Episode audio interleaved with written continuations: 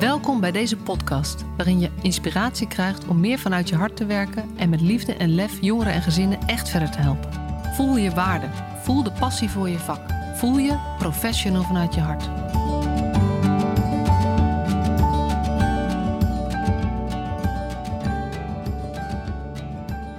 Dat je weer luistert naar deze nieuwe aflevering van de Professional vanuit je hart podcast. En uh, ik zit al een ruim een uur heel erg gezellig en uh, diepgaand te kletsen met mijn gast van vandaag. En ik ga mijn best doen om de naam goed uit te spreken, want daar hebben we het net ja. over gehad. Merwe Julkemas. Ja. Um, en zij werkt bij het Leger des Heils in Utrecht met dak- en thuisloze EU-migranten. Exact, ja.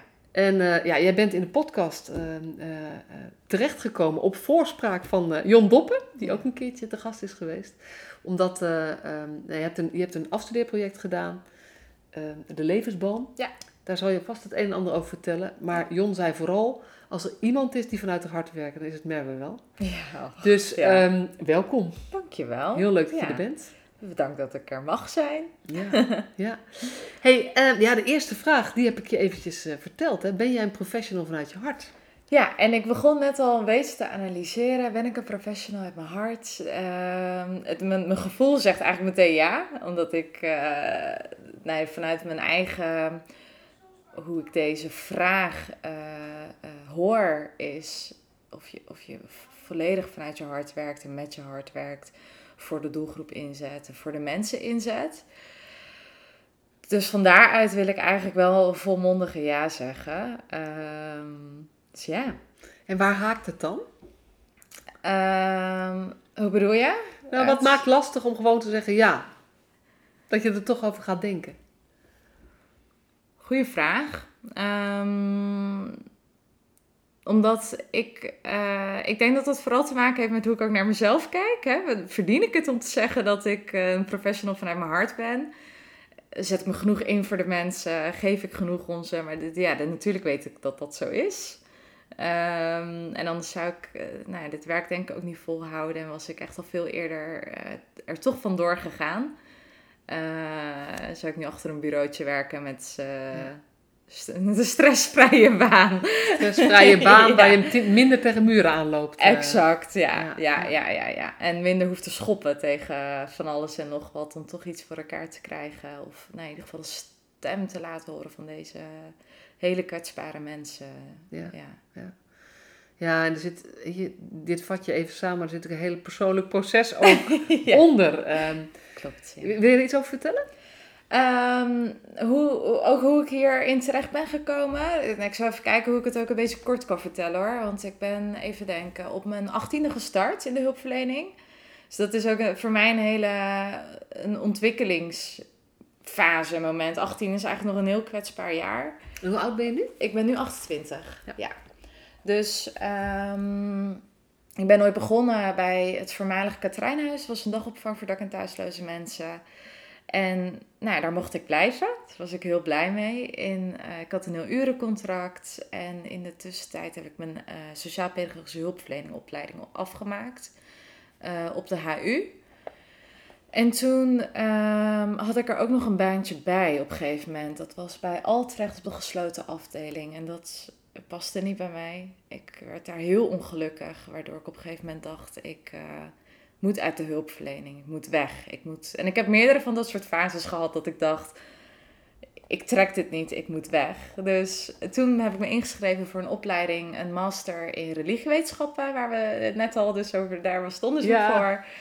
En uh, in de tussentijd, toen het Katerijnenhuis uh, moest sluiten door uh, nou, gemeentelijk besluit, de aanbesteding werd gegeven aan het leger des. En zij mochten een inloop starten althans een soort van samenwerkingsgebouw of een centraal punt genaamd Herstart starten. Dus daar mocht ik in de inloop werken. En uh, toen kreeg ik weer liefde voor mijn baan, omdat ik daar gewoon een vast contract kreeg. En uh, ik mocht ontslag nemen bij Altrecht, dat heb ik maar een jaartje gedaan. Um, dus ja, toen, toen voelde ik weer, oh, ik voel hem. En, maar ik had me al ingeschreven voor de master. Dus dat ging ik toch maar even doen. en toen um, is dat soort van blijven hangen. Heb ik mijn masterjaar zomaar wel alle vakken afgerond. En ehm, in het laatste jaar dus echt alleen mijn scriptie. Nou ja, toen werd het allemaal te veel. Door de overgang van Katrijnenhuis naar het leger de Cels. was een heel stressvol jaar. En uh, dat is dus blijven hangen voor vier jaar of zo, mijn scriptie. Dus een soort van, hè, dat, dat draagde ik dus elke dag met me mee. Van, oh, ik moet hem inleveren. En hij heeft gewoon klaar gestaan, volledig afgemaakt, op mijn laptop gestaan. Mijn laptop beschermde ik als ik met mijn leven. En toen had ik op een gegeven moment, een paar weken geleden, het idee: laat ik hem nu toch maar een keer inleveren. Dus ik moest eerst achterhalen wat mijn wachtwoord überhaupt is van mijn schoolmail.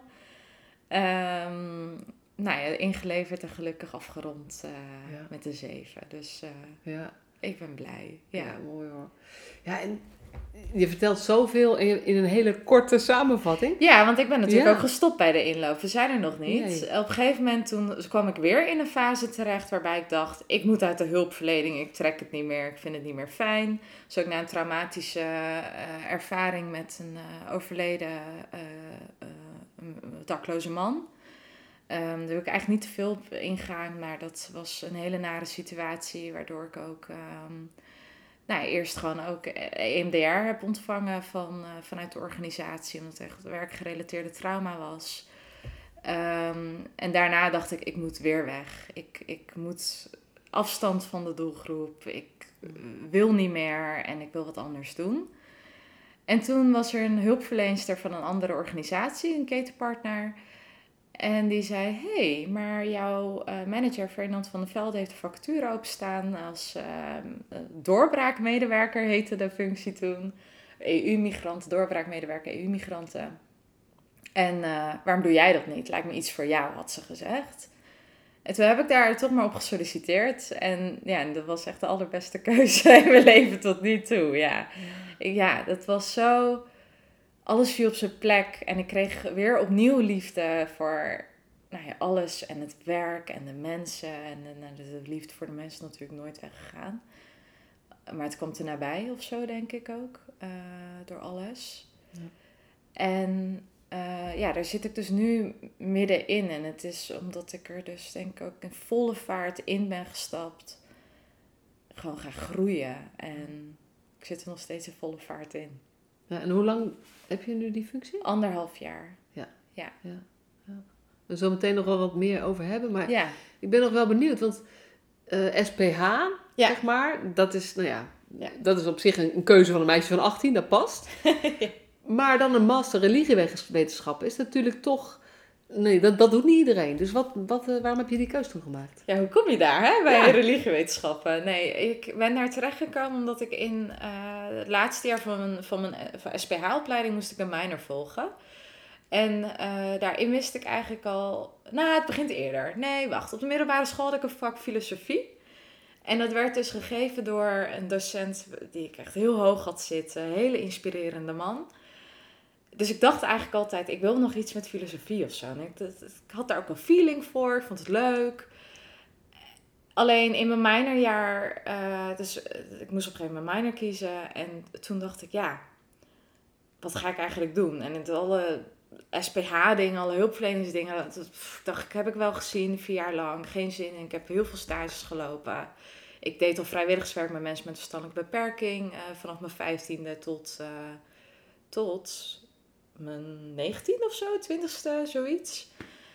Dus dacht, even gezien, ik wil wat anders. Dus toen heb ik gekozen voor minor filosofie, uh, wereldreligies en spiritualiteit.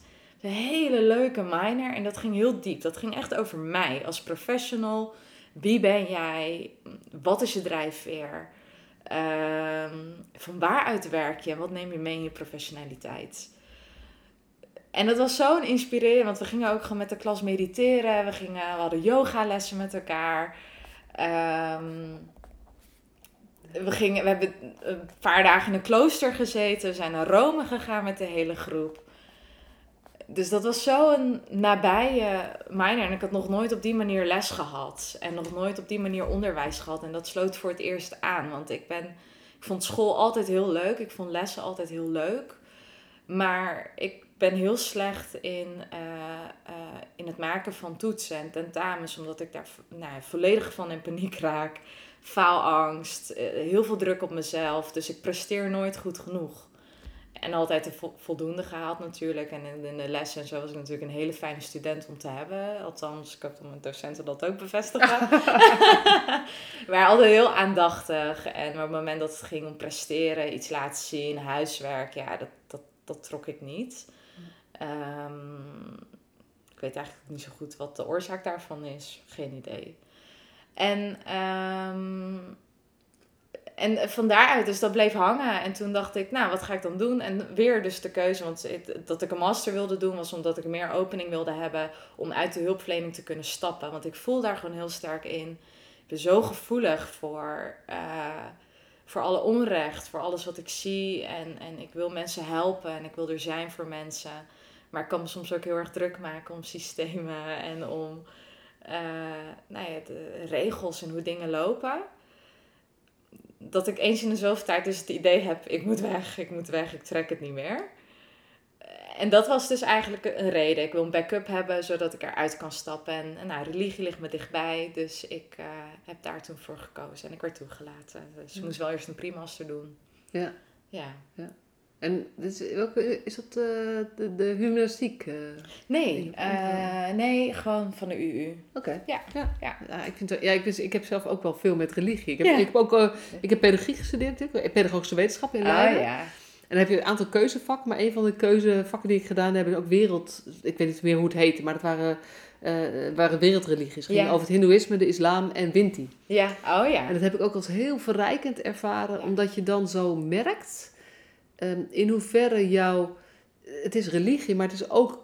Uh, cultuur is zo beïnvloed door de religie die in een land ja, en andersom. gewend is. En andersom. Ja, dat, en dat bewustzijn is wel heel erg vergroot ook toen. En dat ik dacht, ja, weet je, wij zijn in Nederland toch, uh, uh, in ieder geval boven de rivieren, grotendeels protestants ingestoken. Dat was ook de kant die ik het beste ken. Ja. Nou ja, het Rooms-Katholieke is al heel anders. Maar toen ik dus meer leerde over het Hindoeïsme en over de islam en over Winti, ja. Uh, dacht ik, ja, wie ben ik om te zeggen dat hoe wij het doen, ja. dat dat klopt? Want daarmee zeg ik meteen dat wat zij dus doen niet klopt. Exact. Dus het heeft mij onwijs verrijkt om, om gewoon in de breedte te kijken. En, en ook wel bescheidener gemaakt over mijn eigen waarheid of zo.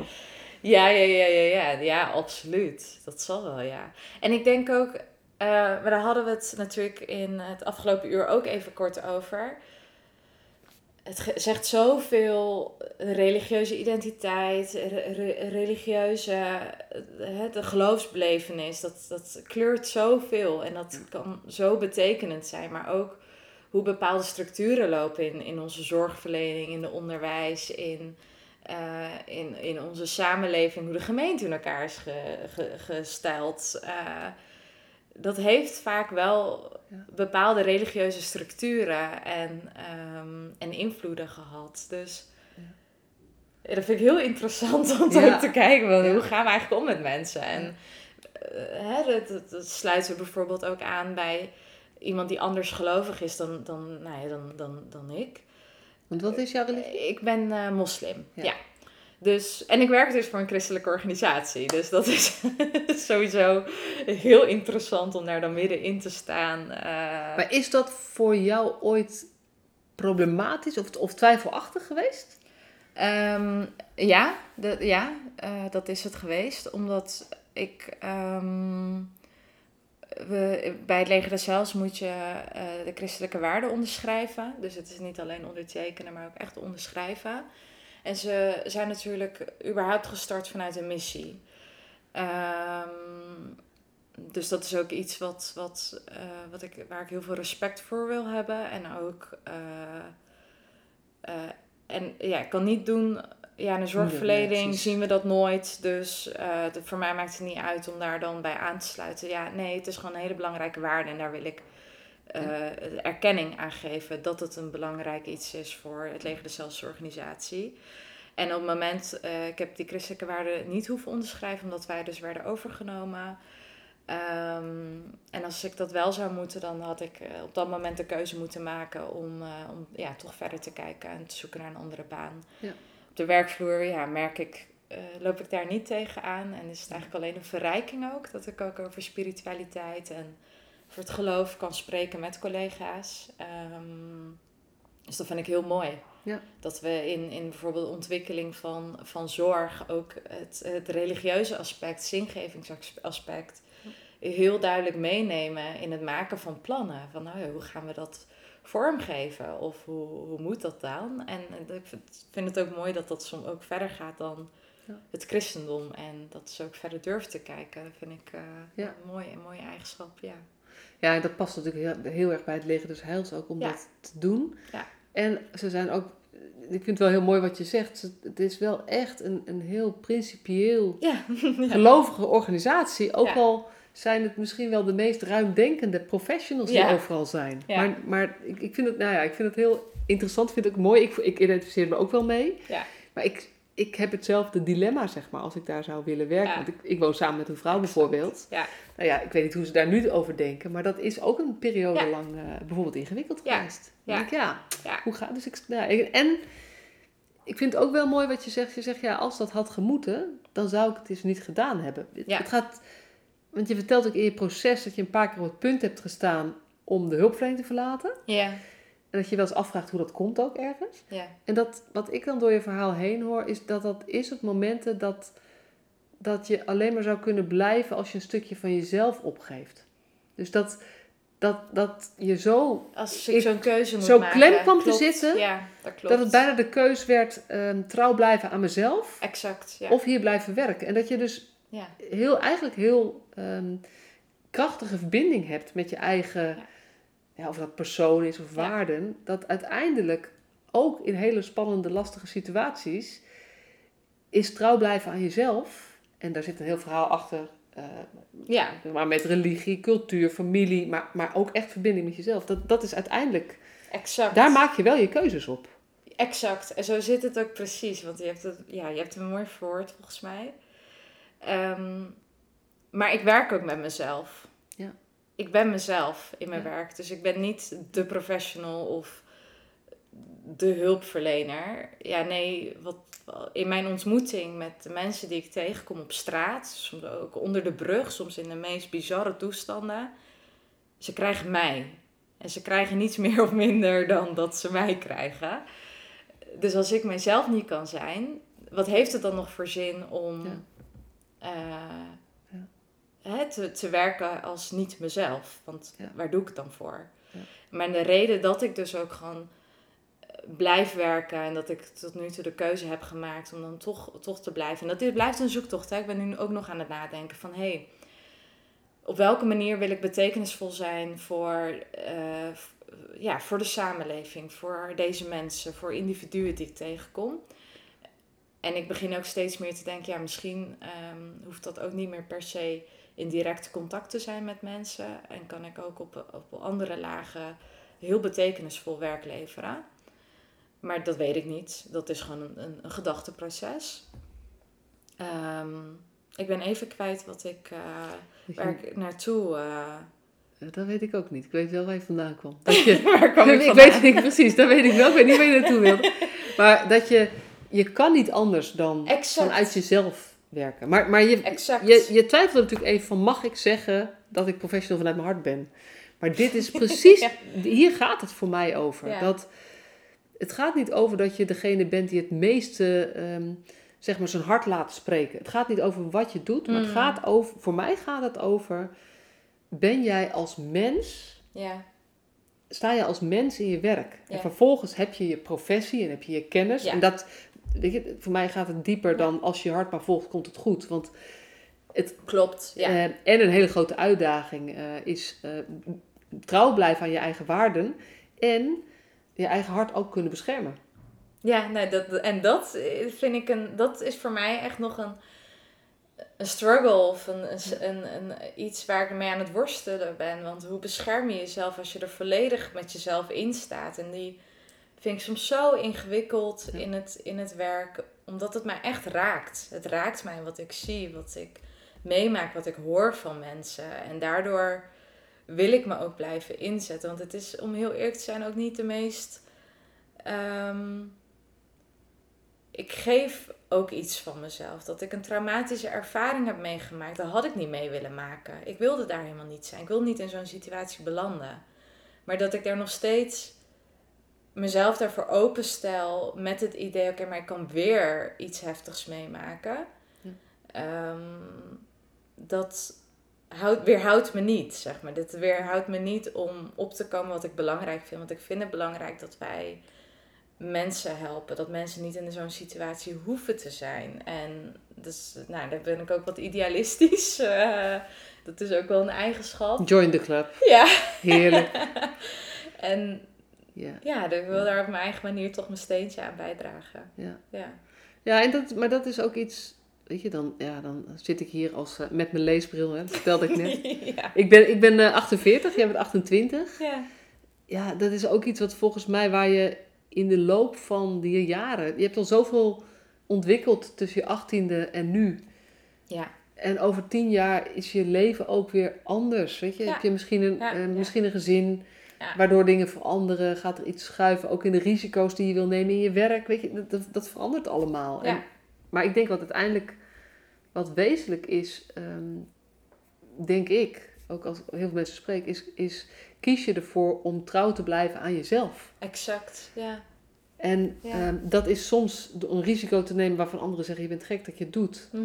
Maar dat je voelt, ja, als ik het niet doe, dan Ja. kan ik mezelf niet meer recht in de spiegel aankijken. Nou ja, en exact. En eh, het is leuk dat je dit zegt, want eigenlijk, de, nee, ik had, ik had om dan toch weer een beetje terug te komen op die nare ervaring, ehm, waardoor het traumatisch werd voor mij, was niet per se wat er gebeurde tussen mij en, en, en, en die dakloze meneer. Maar het was vooral dat ik keer op keer uit machteloosheid, omdat ik niet wist wat ik moest handelen, hoe ik moest handelen, wat ik moest doen, niet trouw ben geweest aan mezelf. En het is dus grappig dat je het zo stelt, want het kwartje van nu of zo. Want dat is ook iets wat ik op die manier heb besproken met mijn, ehm, nou, met mijn coach vanuit werk, eh, die, die dus ook de EMDR-behandeling heeft gegeven. Ja. Ehm, dat, dat was volgens mij de kern en dat kwam constant terug. Is, is, ik nam het mezelf kwalijk, ik voelde me schuldig, omdat ik anders heb gehandeld dan dat ik had willen handelen. En, en dat bleef, eh, hij is op een gegeven moment overleden. En toen, nou, toen is het helemaal achteruit gegaan bij mij. Toen knapte er iets. Dus dat kwam constant terug Ja. bij mij van... Oh ja, maar nu kan ik het ook niet meer. Nu kan ik ook niet meer doen wat ik eigenlijk had willen doen al die tijd. Ja. En, en, en daardoor denk ik dat het, dat het op een gegeven moment... Nou ja, dat is geknapt. Of Ja. is, ik weet ook niet wat de juiste, juiste verwoording is daarvan. Maar ja, Ja. Nu, nu, nu komt hij wel rond of zo. Nu wordt hij Oh, compleet. Ja. ja. ja.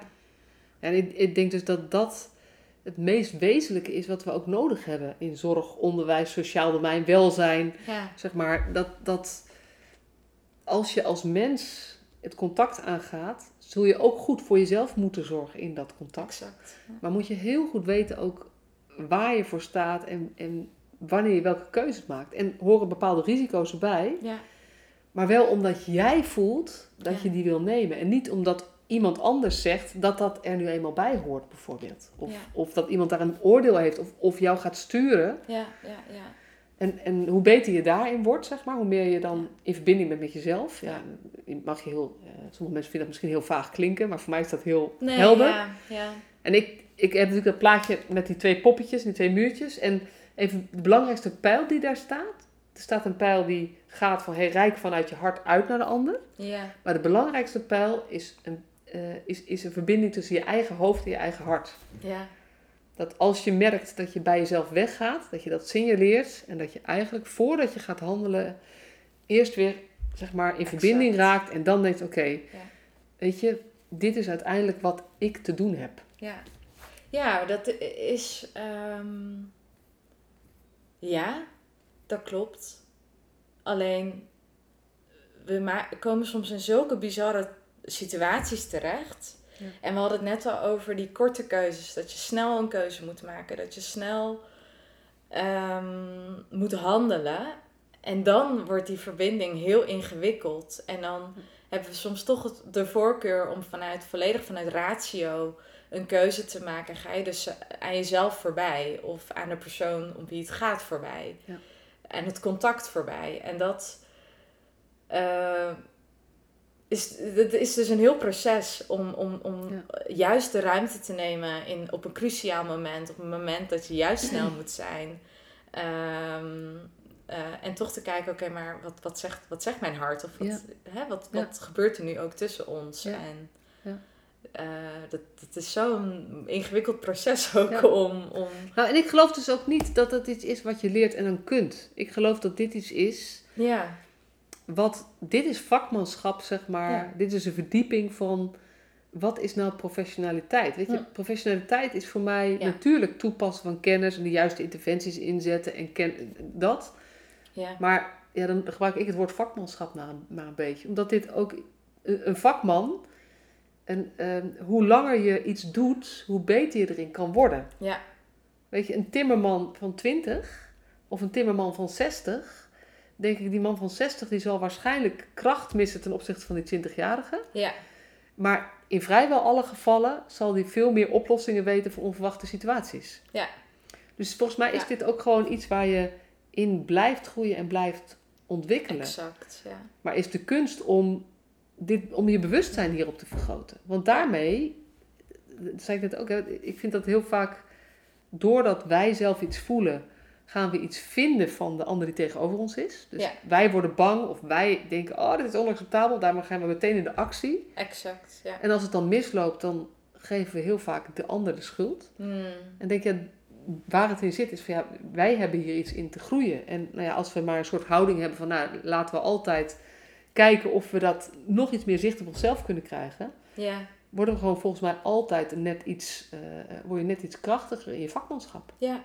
ja. doorgaande ontwikkeling of zo. Ja, ja, ja. Dus uh, ja. hey, maar goed, dit is heel van alles en nog wat over. Uh, we zitten lekker diep, dat gaat al goed. Ja, ja, we gaan inderdaad al aardig. ja. Maar uh, doorbraak, doorbraak uh, voor EU-migranten.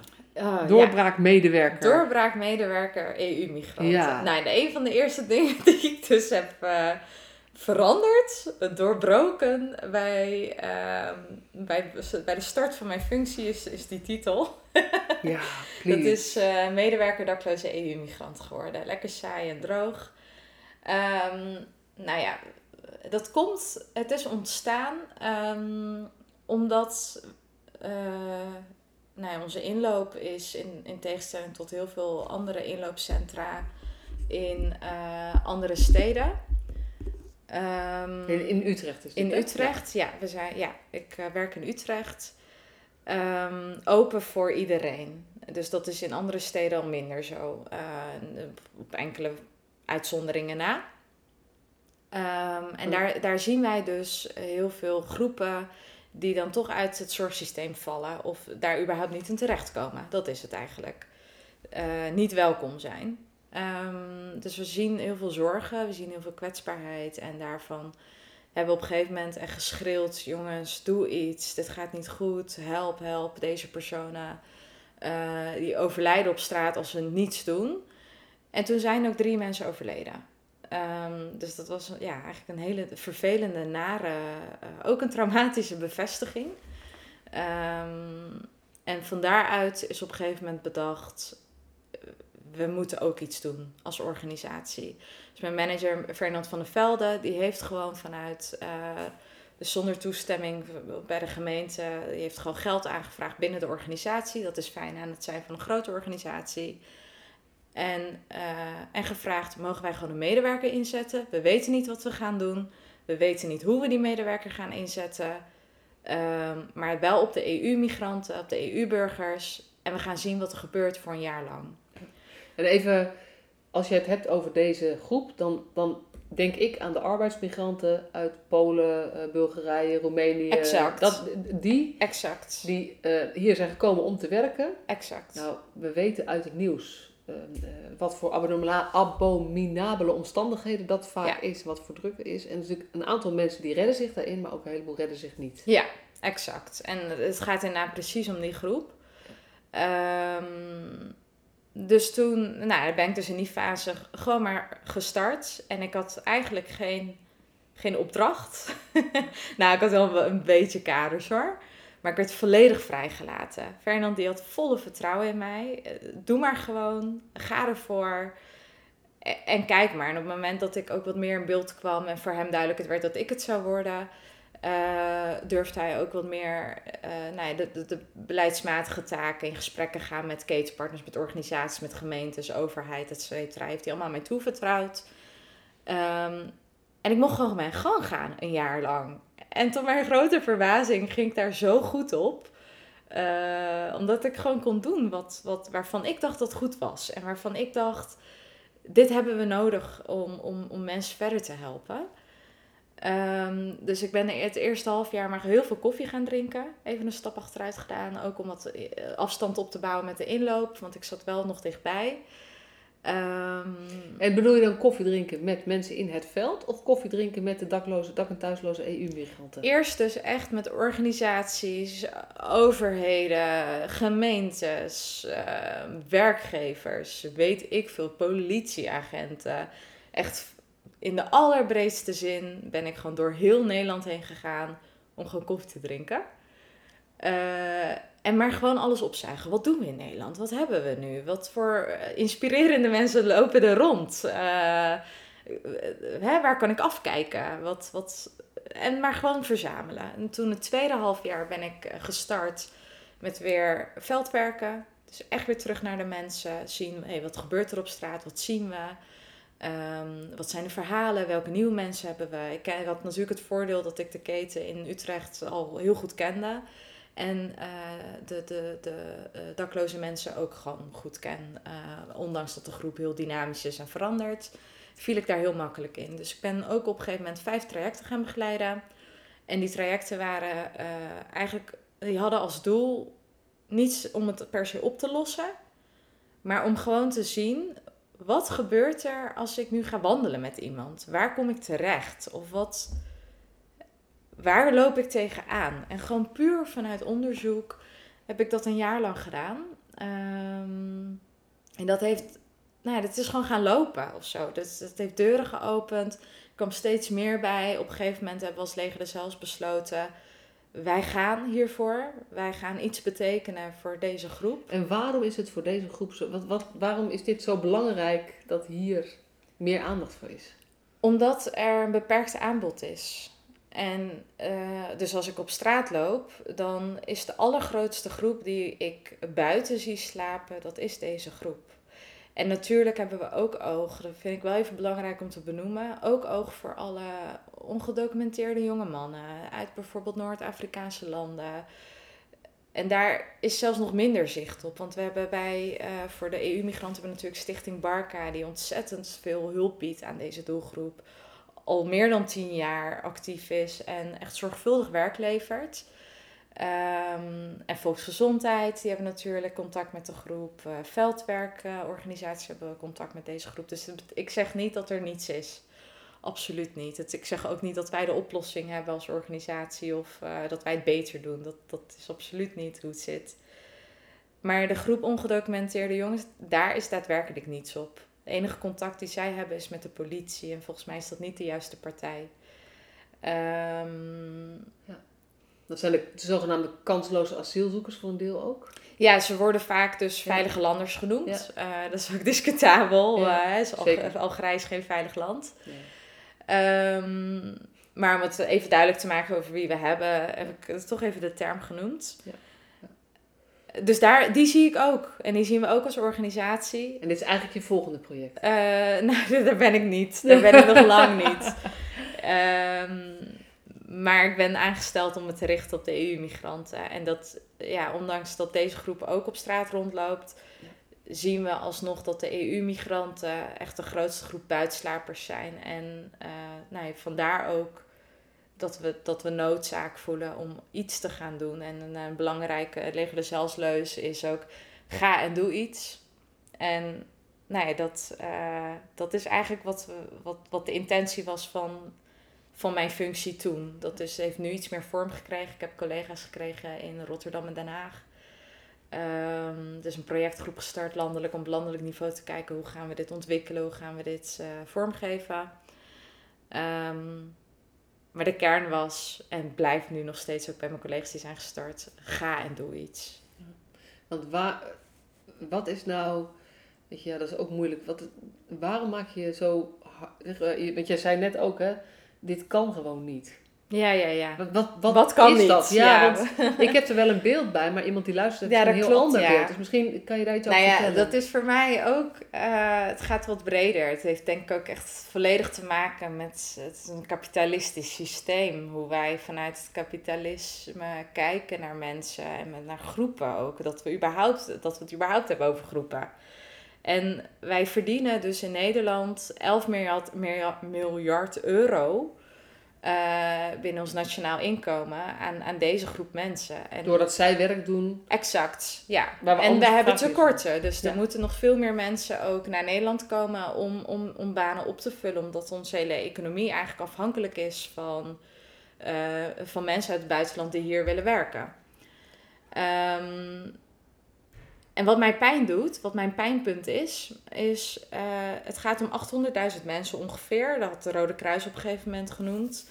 Alleen, ja, cijfers vind ik lastig, omdat uh, ik bijvoorbeeld als ik een rondje loop door Utrecht, kom ik altijd weer nieuwe mensen tegen die ik niet kende.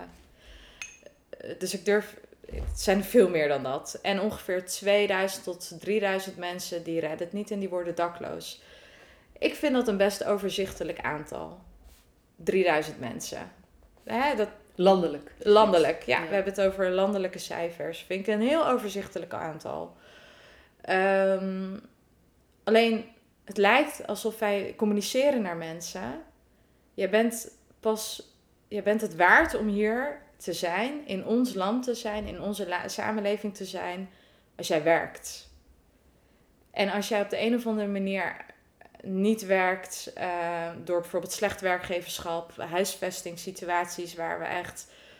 Nou, je kan er over doorgaan wat voor ellendige situaties bij mensen uit het paspoort worden afgenomen. Mensen worden opgesloten buiten werktijden om in hun kamer, zodat ze geen sociaal netwerk opbouwen, om dat te voorkomen. Um, mensen delen een badkamer met elf mensen, met elf anderen. Dus die badkamer is constant vol. Dus je kan niet eens douchen voordat je naar je werk gaat. Uh, nou ja, noem maar op. Echt dit soort schrijnende situaties. Bedden, gedeelde bedden, matrassen die worden omgekeerd. Uh, ja, het gaat maar door en door. En dan ook nog voor geen salaris in sommige gevallen. Of een uh, heel krap salaris. Maar de, de, dingen die jij nu noemt. Ik heb onlangs een podcast opgenomen met Carla Stals over, over mensenhandel. Ah, ja. En zij, zij is van bureau Helse Liefde, dus wij gingen het heel erg over seksuele uitbuiting, hadden wij. Maar dit is ook uitbuiting, dus arbeidsuitbuiting. Ja, dat klopt. Dat klopt. En daarin zien we ook een taak uh, als, nou ja, ik bij mezelf, maar ook, ik deel het nu ook met de rest van de organisatie. Uh, dat we dat ook bespreekbaar moeten maken. En dat we ons ook moeten hard maken tegen uitbuiting. Want het gaat inderdaad om uitbuiting. Het lastige is, is dat het bewijzen heel moeilijk is. Um, dus we hebben wel contact met de organisaties als Fair Work en de arbeidsinspectie.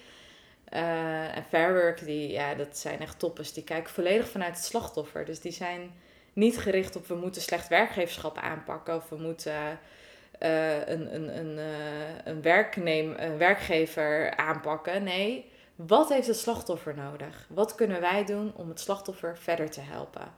Dus dat vind ik een hele mooie insteek, een hele belangrijke ook, omdat het ook wat angst kan wegnemen. Want heel veel mensen durven dingen ook niet te uiten de angst voor een leven soms, maar ook uit angst voor: oké, maar ik ben weg, ik heb mezelf nu gered. En redden is dan dakloos worden. Uh, maar ik heb nog heel veel collega's die afhankelijk zijn van, van die slaapplek, van een restaurant waar zij in slapen, of van een, um, van een werkgever waar ze eh, geld van moeten verdienen om te sturen naar kinderen in land van herkomst. Dus uit loyaliteit durven veel mensen het ook niet kenbaar te maken en naar buiten te brengen. Maar situaties, nou, ik heb gehoord dat, dat uh, er gewoon dealers soms rondlopen bij, bij werkgevers om, om mensen amfetamine, speed te verkopen, zodat ze nog harder gaan werken en verslaafd te maken. Dus dat, ja, dat vind ik zulke. Dat, dat raakt mij. Het raakt mij dat wij zo om kunnen gaan met mensen, dat wij mensen zien als niet-mens. Dat is het eigenlijk. We zien ze niet meer als mens, maar als producten, als machines om geld te verdienen of om er zelf beter van te worden. Ja, en dit is Ik zit. Uh, ja. Zeg maar. uh, dit is. Want dat, dat. Wat je beschrijft, dat is wat er gebeurt in het micro. Wat er op dat moment gebeurt in die situatie. Dat die slechte werkgever eigenlijk alleen maar denkt: hoe kan ik dit, dit, dit zoveel mogelijk economisch uitnutten? Dat is door diegene te, zeg maar, nou ja, in te zetten op een plek waar ik er wat aan overhoud. En als ik hem ook nog verslaafd maak, heb ik twee inkomstenbronnen. Mm En wat waar mij heel erg over aan, doet denken, is wat je zegt van ja, op onze maatschappij, dus het is, het is ook maatschappelijk gezien is dit een issue. Klopt. Dat migranten prima, zolang ze economische waarde hebben. Ja. Dat, en volgens mij gaat het over alle twee die, en dat is meso ook nog, maar deze twee dimensies zitten er zeker in volgens mij. Ja. Maar dat zegt toch ook wel veel over hoe wij uh, kijken naar werk, werk, werken überhaupt. Ja. En naar werknemers. Het is, ook, uh, het is een van de dingen met, met rondom um, uh, pensioen, bejaarden, ja, ouderen. Ja. Waarbij wij in Nederland ook vergeleken met heel veel andere landen veel meer dat pensioen, die pensioenleeftijd zo belangrijk maken. Ja. en dat eigenlijk daarna mag je niet meer werken. Maar wat ik ook van heel veel ouderen wel terug hoor, ja, daarna tel je ook dus niet meer zoveel mee. Ja, ja. ja. Dus die zelf, maar goed, dit, dit is, om niet af te leiden, maar, wel, dit is wel een cultureel ding. Dit is wat wij doen in onze samenleving. Ja, en dat uitzicht dus bij een hele kwetsbare groep. Ja. Onder andere de EU-migranten. En dan hebben we het nog niet eens over als je in een uh, ongedocumenteerd bent of een asielprocedure bent, mag je niet eens werken. Mensen die zwart werken, die daardoor in hele heftige omstandigheden terechtkomen. Ja, dat is dan ook weer een heel ander verhaal. Maar ja, dit, dit is zo'n belangrijke drijfveer voor mij. Ik ben zelf ook, uh, kom ik uit een, uh, nou ja, migrantenfamilie. Mijn ouders zijn Turks, mijn opa is hier ooit gekomen. En dan, nou, die zaten ook gewoon met, met elf man op een kamer. En ik weet niet of de situatie zo schrijnend was als wat ik nu zo van dichtbij zie en hoor van de EU-migranten. Maar het was ook niet makkelijk. En dan ook nog heel veel discriminatie erbij, vooroordelen. Uh, je mag werken als je maar wel teruggaat naar land van herkomst. Um, en dat, dat, dat zijn dingen die gewoon raken en die pijn doen. Um, ja. Ja. Die jou ook nog pijn doen. Ja, die ook, ook mij inderdaad nog uh, pijn doen. Omdat ik ook, ja, dit, ik, ik blijf, ondanks dat ik in Nederland ben geboren nou, volgens mij ben ik uh, me heel goed aan het inzetten voor de maatschappij. uh, nou, gewoon. Hè, ik, ik, ga, ik ben iemand die gezegend is of de privilege heeft om, om mee te kunnen met, met hoe het in het systeem is geregeld. Ik snap het, ik ben. Ik snap digitale dingen. Nou, ik heb gewoon heel fijn kunnen studeren dat, dat zijn allemaal privileges waardoor ik het nu gewoon stabiel heb of stabiel ben. En ook mijn stem kan gebruiken om, um, nou ja, om mij te uiten. Om ook de stem van andere mensen door te, een soort van doorgeefluik. Ik vind het heel naar om te zeggen, oh, ik geef een stem aan mensen. Dat, dat vind ik een soort van...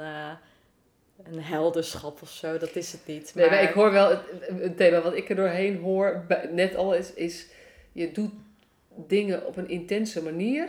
Je zet je er helemaal voor in. Ja. Maar het is ook heel lastig, want je wil niet jezelf als een, op een soort voorspraak zeggen van, zie mij eens. Het gaat niet om mij. Het gaat niet om mij. Het gaat niet om mij, nee. En, en, ja. en het is ook zo dat doordat jij deze processen ziet en ook dat je familiegeschiedenis daarin meeneemt, dus daarmee is het doorleefder, ja. Ben je ook een stem voor mensen die minder, weet je, je bent verbaal nogal vaardig. weet je, je bent, en, en je, je kan het goed verwoorden, je kan het helder mm. verwoorden. Ja. En dat, kun, kan niet iedereen. Dus dit is ook nodig. Dat is ook een voorbeeld. Maar dan maakt dus ook dat ik verantwoordelijkheid voel om dat te doen. Dus ehm, juist, ik weet hoe het is om vanuit een migrantengezin op te groeien in Nederland. Ik, ik, ik kan nu al voorspellen dat een van mijn... Ehm, uh, van mijn cliënten, uh, is een Poolse man, die heeft hier een dochter bijvoorbeeld. Die is hier opgegroeid en, en gaat hier naar school. Dus daar, ik weet nu al wat zij allemaal gaat meemaken. Of wat zij, en dat zal natuurlijk al anders zijn, omdat ik ook weer, nou, ik heb zelf ook te maken met, ik heb krullen, ik heb donker haar, ja, bepaalde, een uiterlijk waarvan je weet, nou, ik ben niet wit-westers. Um, ik heb een ingewikkelde achternaam. Ik heb een, een religie wat niet zo populair is op dit moment. Het heeft te maken met islamofobie, dus in die zin zal het al wel anders zijn. Maar de manier waarop er naar migranten worden, wordt gekeken, de manier waarop er naar mensen wordt gekeken die heel praktisch werkzaam zijn in Nederland, eh, praktisch werk doen of een lager inkomen hebben, uh, dat die vooroordelen en, en de, de moeilijkheden, die, die gaat zij ook meemaken. En dat, dat kan je nu al voorspellen, want dat is niet veranderd sinds de jaren zestig met de Turkse en Marokkaanse arbeidsmigranten. Dat, dat geldt nog steeds, alleen nu hebben we gewoon een hele andere groep. En in plaats van dat we nu zeggen, ja, het gaat om allemaal mensen die uit de bergen komen, hebben we het nu over mensen die alleen maar wodka drinken. Als vooroordeel of als discriminatie, om een, om een groep te framen. Ehm, dus iedereen heeft op zijn eigen manier. Je bent altijd, je staat gewoon achter of zo. En, en er zit een bepaalde neer, neerbuigendheid in. Dat ja, is, ja volledig. Heel ja. hoe je dat nu zegt. Ja, ja, ja, ja. ja. En, maar de realiteit bestaat, we hebben deze mensen gewoon nodig. Ja. We, we, wij kunnen. Uh, nou ja, de economie draait niet. Exact. Zonder deze mensen. Dus wat is nodig? Weet je, we gaan niet in een, in een, economische discussie, want daar heb ik in ieder geval te weinig verstand van. Maar ehm, we hebben, als we willen, zeg maar, willen blijven doen wat we nu doen, ja. zijn er andere mensen nodig om te zorgen dat dan, dus, dat dan de maatschappij blijft doordraaien. Exact. Ja. Ja. ja. En ja, dan vind ik het makkelijk gezegd dat er dan bij iemand, uh, een, van, een van mijn andere mensen, die werkt al meer dan twintig jaar in Nederland dan vind ik het veel te kort door de bocht om te zeggen: Oh, hij werkt niet, hij is dakloos geraakt. Ja, dan moet hij of een nieuwe baan vinden of terug naar land van herkomst. Maar die man is hier al meer dan 20 jaar. Waar hebben we het over? Hij is hier gevestigd, hij hoort hier, hij heeft hier een netwerk, hij heeft hier mensen waarvan hij houdt. Ja, ja de vraag is natuurlijk, en dat herken ik ook heel erg van de, de, de Turks-Marokkaanse mensen die ik gesproken heb. Ja. En wat me ook waar ik steeds over nadenk is: wanneer ben je nou van ons? Exact, ja. Weet je, met jouw naam, zeg maar, waar we een beetje grappig over ja. hoe spreek je het uit? Ja. Uh, maar ben je, nou, ben je nou van ons? Of ja. Vind ik, en, en wie gaat daarover? Exact, wie beslist dat? Wie beslist dat, Ja, geen idee. En wat is wel, zeg maar, dan gaat het toch wel over autochtoon, allochtoon. En noemen we het geen allochtoon meer, want dat mag niet meer. Ja. Maar in, die, die, die, denkpatronen zijn niet veranderd. Nee, maar feitelijk ben ik hier. Ja. Dus ongeacht of ik mij, want ik krijg regelmatig, voel je meer Turks, voel je meer Nederlands? En dan denk ik, ja, ik weet niet. Ik voel me gewoon mij. Ja. Ik voel mezelf. Ja. En maar dat doet er niet toe hoe ik mij voel. Stel je voor dat ik zou zeggen, ik voel me volledig Turks. Verandert niets aan het feit dat ik op dit moment hier ben, hier werkzaam ben uh, en hier problemen ervaar. Ja. Dus dat moet hier opgelost worden. Of dat, nou ja, opgelost, of hier ben ik. Hè? Dus ja. Eh, dat geldt dus ook voor de, bijvoorbeeld een Poolse dakloos persoon. Ja, we kunnen wel zeggen, hij moet terug naar land van herkomst. En in sommige gevallen is dat een hele mooie oplossing voor mensen. Als zij dat zelf willen, als ze daar een veilige plek hebben waar ze zich prettig voelen, als ze mensen hebben van wie ze houden. Prima, dan regel ik dat iemand terug kan naar land van herkomst. Maar als iemand dat niet wil, dan blijft het een feit. Hij is hier en ik blijf hem zien. Dus ik ga zo meteen naar buiten toe en dan zie ik hem daar liggen. Dus dat een gemeente of zo vindt, uh, of weet ik veel wie dat vindt, dat die persoon terug moet naar land van herkomst. Ja, prima, maar hij is hier nog steeds. Ja, nou en sterker nog, Ehm, als we dan toch even de framing gebruiken, hij geeft hier ook nu overlast. Wat dan ook overlast is. Ja. En dan kunnen we heel hard roepen dat hij hier niet zou moeten zijn, maar hij is hier. Hij is er. Dus en of hij nou overlast heeft of whatever. Al, Door dit te blijven roepen, blijft het alleen maar in stand. Er gebeurt dan helemaal niks. Exact, ja. Ja, dat klopt. Ja, wow. hey, um, ja, ik vind het waanzinnig interessant. Je raakt me. Ik Dank zou graag door willen praten. Dat vind ik belangrijk. Maar de tijd van de podcast zit er bijna op. Ik zie het. Dus mijn uitnodiging is eigenlijk, zullen we nog een aflevering opnemen? Ja, tuurlijk. ja? ja waarom niet? Ja, leuk. Ja, ja. Dus uh, lieve luisteraar, dit was deel 1, hebben wij uh, zojuist uh, besloten. En nou, ik wil graag meer horen ook, weet je, wat, wat is nou specifiek bij de EU-migranten? Wat meer over de, de migrantengeschiedenis en ook je afstudeeronderzoek. Ja. Want als je daar even in drie zinnen wat over kan zeggen, wat kunnen ze dan verwachten in de volgende aflevering met betrekking tot die levensboom? Nou, ik heb dus onderzoek gedaan naar uh, overgangs-afscheidsrituelen bij het overlijden van dak- en thuisloze mensen. En daar hebben we een hele mooie boom voor, uh, om daar een soort van monument. En daar, ja, daar ben ik op hele mooie uitkomsten gekomen. Ja. Oeh, en die, en die raakt voor mij ook meteen weer. Want dan denk ik, een dak- en thuisloos iemand die overlijdt, ja. wordt, hoe wordt die gemist? En door wie wordt die gemist? En mhm. als je geen plek hebt, als je, uh, als je geen, geen, geen, geen huisvesting, geen, geen bestaansplek hebt als je leeft, heb je dat eigenlijk bijna automatisch ook niet wanneer je overlijdt. Exact. Dus ja, ja ik, nou ja, ik uh, hoor heel graag meer hierover. Ja. En, uh, dank je wel alvast voor, voor dit hele mooie gesprek.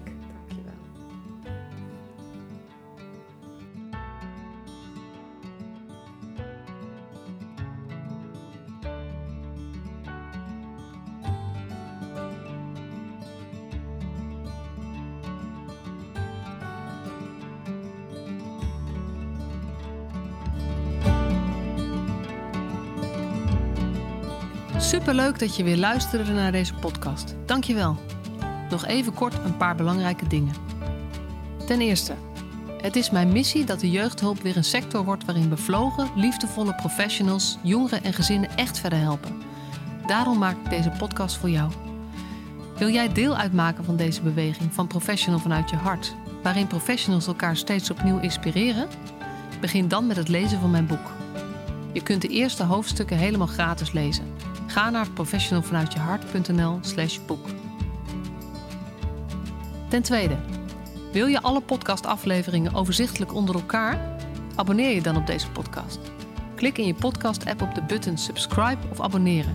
En elke keer als er een nieuwe podcastaflevering gepubliceerd wordt, ontvang je automatisch een berichtje.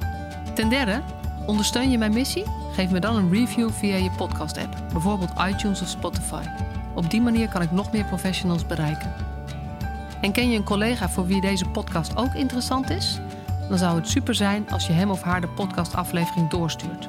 Bijvoorbeeld door de link te kopiëren via Spotify. Ik vind het altijd heel leuk om berichtjes te ontvangen van luisteraars om te horen wat je van een podcast vindt, of als je misschien vragen of suggesties hebt. Of als een aflevering je een bepaald inzicht heeft gegeven of er iets in beweging is gekomen. Stuur me dan even een berichtje op masha.professionalvanuitjehart.nl via de website of stuur me een connectieverzoek op LinkedIn.